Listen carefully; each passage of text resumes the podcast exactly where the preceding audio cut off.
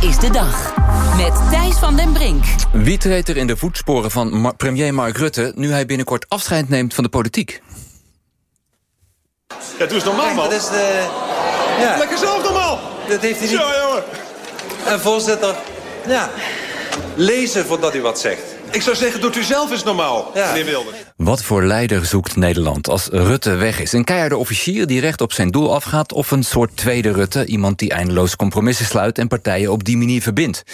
Over die vraag praat ik met Corrie Schiphuis. Hij traint managers, rechters, inspecteurs en gezagdragers. En met Mark van Vught. Hij is hoogleraar psychologie aan de Vrije Universiteit. En beiden zijn hier. Goedenavond, hartelijk welkom. Zijn. Goedenavond. Meneer van Vught, als u de premier zo hoort... gaat u hem dan missen of bent u opgelucht dat hij vertrekt? Nou, het gaat er niet om wat ik denk. Maar ik denk dat de meeste mensen wel eh, klaar met hem zijn. En toch wel een soort contrast willen eh, van eh, de wat ik maar noemde manager leiden. Want hij was een hele goede manager en verbinder met allerlei uiteenlopende coalities. Ja. Maar ik denk dat nu wel tijd is voor een ander type Ander leider. soort Ja. leiderschap. Want mevrouw Schiphuis, hoe zou u het leiderschap van Rutte typeren? Nou, ik vind inderdaad veel meer een verbinder dan een officier. En ik denk dat verbinden heel belangrijk is. Ik geloof niet meer in de verticale, hiërarchische machtswellust die de leiding heeft. Oké, maar even machtswellust is... Ja, precies. Ja. Dan zet u het ook meteen stevig neer. Ja, Want ik weet niet of u daarop uit was, meneer Van Vught... op iemand met machtswellust. Nee hoor, een eh, officier is iemand... Ho- ja, eh, die- hoewel het, eh, Frans Timmermans pas wel zei... jongens, macht is geen vies woord, hè? Nee. Ah, oké. Nou ja, goed. eh, misschien komt dat in zijn straatje te pas. Maar over het algemeen hebben we het hier over gezag. Maar we hebben het wel over gezag wat als doel heeft... om eh, een bepaalde eh, eh, waarde te geven aan wat de volgers willen. En dat gaat als het om orde en veiligheid gaat... en verantwoordelijkheid nemen... dan praat je meer over een officier dan een verbinder. Wat we nu nodig hebben, zegt u. nou ja, het enige probleem is, kijk, eh, we willen wel een officier... maar als er geen duidelijke uitslag in de verkiezing is... Dan hebben we dan toch weer er een verbinder komen. nodig... om al Ja. die partijen bij elkaar te metselen. Ja, want mevrouw Schiphuis, herkent u wel die behoefte... dat we aan een iets dirigistischer leider, moet ik dan misschien zeggen... behoefte hebben inmiddels? In ieder geval is dat wat er geroepen wordt steeds. Oké. Ja, dus de- bijvoorbeeld even de problemen bij Ajax. Ik noem maar eh, Ja. een zijstraatje. Louis van Gaal roept iedereen aan, want dat is een nou sterke ja, leider. Een sterke leider. Ja. Ik geloof daar niet in. Eh, eh, ik denk dat verbinden, dat is, kost wel meer adem. Dat, zal, dat kost soms wat meer tijd. Ja. Maar uiteindelijk leef je daar, eh, krijg je, los je daar de problemen meer mee op. Ja, en dat geldt altijd, want we zitten nu ook een beetje te zoeken van wat past bij welke tijd. U zegt eigenlijk geldt altijd dat iemand die verbindt en die ehm, nou, verbindende eigenschappen heeft, waardevoller is dan iemand die wat autoritairder is. Nou, niet voor altijd. Ik denk dat hoe meer je eh, afziet van geloof, zal ik maar zeggen, hoe minder geloof er is in de samenleving. In de religieuze zin in, van het woord, ja? ja. Eh, hoe meer mensen eh, geloven of nodig hebben dat je eh, je horizontaal organiseert in plaats van verticaal. Maar dat zou bijna betekenen dat mensen die gelovigen in, van dictators houden. Dat geloof ik nu ook niet, Nee, maar die nemen het wel niet. makkelijker aan. Ja, denkt u? Ja, dus ik denk dat eh, als je meer gelooft in een hogere macht, zal ik maar zeggen, dat je meer accepteert dat mensen iets over jou beslissen. Dat er gezag bestaat überhaupt. Nou, gezag, ja. Ja. Ik, ik zeg zelf macht en gezag onderscheid ik. Voor mij is macht iets wat je neemt. En gezag iets waar je erg je best voor moet doen. En wat je kunt krijgen. En wat je, kunt, wat je dus eigenlijk alleen maar kunt krijgen en niet kunt nemen. Ja, dan moeten we aan meneer Van Vught vragen of die gelovig is. Want u wilde een sterkere man. Oh, nee. Nou ja, er is wel een relatie tussen inderdaad eh, eh, aut- eh, gevoel voor autoriteit en, en religiositeit. Maar daar gaat het bij deze verkiezingen natuurlijk niet om. Nee. Het gaat bij deze Maar dat is, verkiezingen- wel, dat is interessant. Er is wel een relatie, zegt er is wel een relatie, ja, ja, zeker. Ehm, ik ben het helemaal eens met wat mevrouw zegt over het verschil tussen macht en gezag. En uiteindelijk zijn onze hersenen zo eh, geëvolueerd dat wij op basis van gezag leiders kiezen, niet op basis van macht. Ze kunnen hun macht gebruiken en soms ook misbruiken. Maar wat wij zoeken is iemand met gezag. En dat gaat toch om wat heeft iemand te bieden? Heeft hij eh, gevoel voor welke thema's er spelen? Hè, dus een stukje empathie, inlevingsvermogen. En hebben wij het idee dat hij die problemen kan oplossen? En dan gaat het om orde en veiligheid, denk ik. Nou ja, dan kun je wel een bepaald profiel van een leider schetsen. Het gaat om rechtvaardigheid. Nou, dan komt er weer een ander profiel naar boven.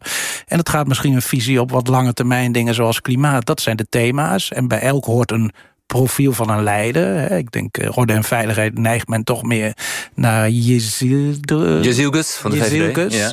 Sociale bewogenheid en rechtvaardigheid. Dan komt omzicht natuurlijk om de hoek kijken. Oh ja. En dan dingen die met lange termijn... ja, dan zou je misschien meer aan een Timmermans, Jetten uh, denken, zeg maar. Als het gaat om klimaat en de lange termijn. Dus u zegt ook een beetje afhankelijk van wel, welk thema er centraal zal Precies. staan... in de campagne zullen we daar een leider bij krijgen. Dat klopt, ja. ja dus altijd... u dat, mevrouw eh, Schiphuis? Ik vind het wel heel mooie verdeling. En ik zie voor me dat ze het met z'n drieën dan doen, zou ik maar zeggen. Want oh. dus, dus dat is toch weer zoeken naar de verbinding. Maar ik geloof dat wel, dat, dat voor bepaalde thema. Hoewel ik denk ook dat orde en veiligheid gediend is bij veel meer vanuit gezag werken dan vanuit macht. Hm. Dus ik denk dat, uh, dat je verder komt als je in gesprek gaat met elkaar. Bijvoorbeeld met de hooligans het gesprek aangaat. In plaats van ze wegzetten. Uh, dat dat beter helpt dan, uh, nou ja... Oh, wauw, maar dan bent u echt verbindend. Als je ook met hooligans het gesprek aan moet gaan... die net de, de, de voorportaal van het stadion in elkaar geschopt hebben. Ja. Dat wordt, gelooft u daarin, meneer Van Vught? Wordt dat een goed gesprek? Nee hoor, ik denk dat juist dit soort incidenten... en daar zijn er best veel, saillant maken... dat orde en veiligheid een heel belangrijk thema... bij deze verkiezingen wordt. En dan hebben we het ook over de, de klimaatdemonstraties... dan hebben we het over de hooligans... dan hebben we het over de boerenprotesten. Ik denk dat mensen echt wel denken dat uh, orde, veiligheid, migratie is ook zo'n thema wat daarmee te maken heeft. Als dat saillant is bij de volgers, bij de meeste mensen, dan past daar een bepaald profiel bij. Maar, maar is ook een stevige leider en iets minder op gesprek gericht dan? Dat, dat, ik denk dat dat uh, een van de uitkomsten is. Ook een contrasteffect met uh, Rutte natuurlijk. Hè, Want we willen een ander type leider. Voelt, voelt u dat aan of is dat onderzocht?